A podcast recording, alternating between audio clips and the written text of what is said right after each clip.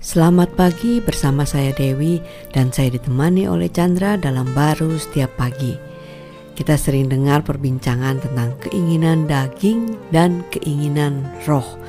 Wah itu perlu dimengerti lebih detail kan. Contohnya misalnya keinginan kita ingin bertumbuh, ingin baca Alkitab, ingin berdoa lah, ingin memuji Tuhan lebih lagi kan tapi biasanya tuh banyak gangguannya sehingga keinginan yang kita kehendakin itu tidak bisa kita lakukan dan bahkan terhambat kayaknya.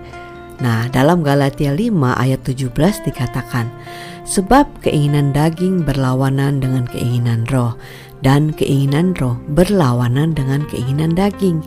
Karena keduanya bertentangan, sehingga kamu setiap kali tidak melakukan apa yang kamu kehendaki.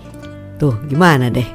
iya, sepertinya yang kita kendaki kadang-kadang uh, tidak kita lakukan gitu. Tidak kita lakukan. Ya, kan ya, keinginannya kan baik kan? Iya, ada hal-hal yang baik, yang baik sekalipun uh, kadang-kadang ya bisa dilakukan, kadang-kadang nggak bisa dilakukan, Betul. sehingga ya timbullah ya yang namanya tuntutan ya hmm. mungkin uh, malas lah uh, atau ah, bahkan rasa bersalah rasa bersalah lah seperti itu ya. Tentu uh, uh, kita ingin itu terjadi ya di dalam hmm. hidup kita yang anda sebutkan betul tadi. karena itu kan baik sekali kan buat kita. Iya baik. Tapi kenyataannya kadang-kadang terjadi pertempuran baik yang diinginkan eh yang jeleknya atau yang terjadi. Maunya bangun pagi olahraga. Eh taruh tidurnya kebablasan gitu kan. Sudah bangun males lagi mau olahraga. Besok aja iya akhirnya tertunda tertunda terus di dalam kehidupannya ya kan saya jadi teringat tuh di uh, Paulus juga hmm. bercerita apa yang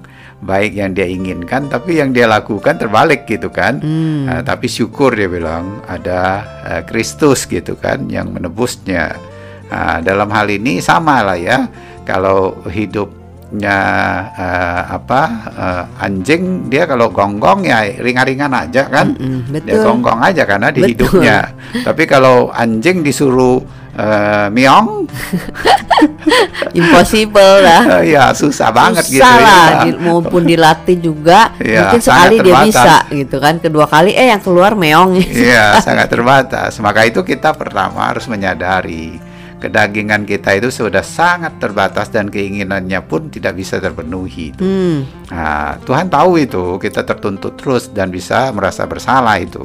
Nah, dia butuh yang namanya penebusan. Hmm. Nah, manusia Tuhan datang sebagai manusia, dia tahu semua kelemahan hmm. kita, tapi dia mengambilnya dan menanggungnya dan menyelesaikannya. Tidak ada hmm. satu pun tersisa. Wow, sudah selesai di kayu salib. Tapi dia nggak berhenti sampai di situ. Hmm. Dia berikanlah kehidupan baru itu, yaitu kehidupan dia ya, kehendak dia yang kita kendaki yang baik itu hmm. kita nggak bisa dari diri kita lagi fokusnya dengan kekuatan kita karena itu terbatas yes. tapi kalau kita ngelihatnya kita ada di dalam dia sejauh dia itu tuh jadi ringan karena ada di hidup kita. Hmm, jadi Seperti secara alami aja ya. Alami aja.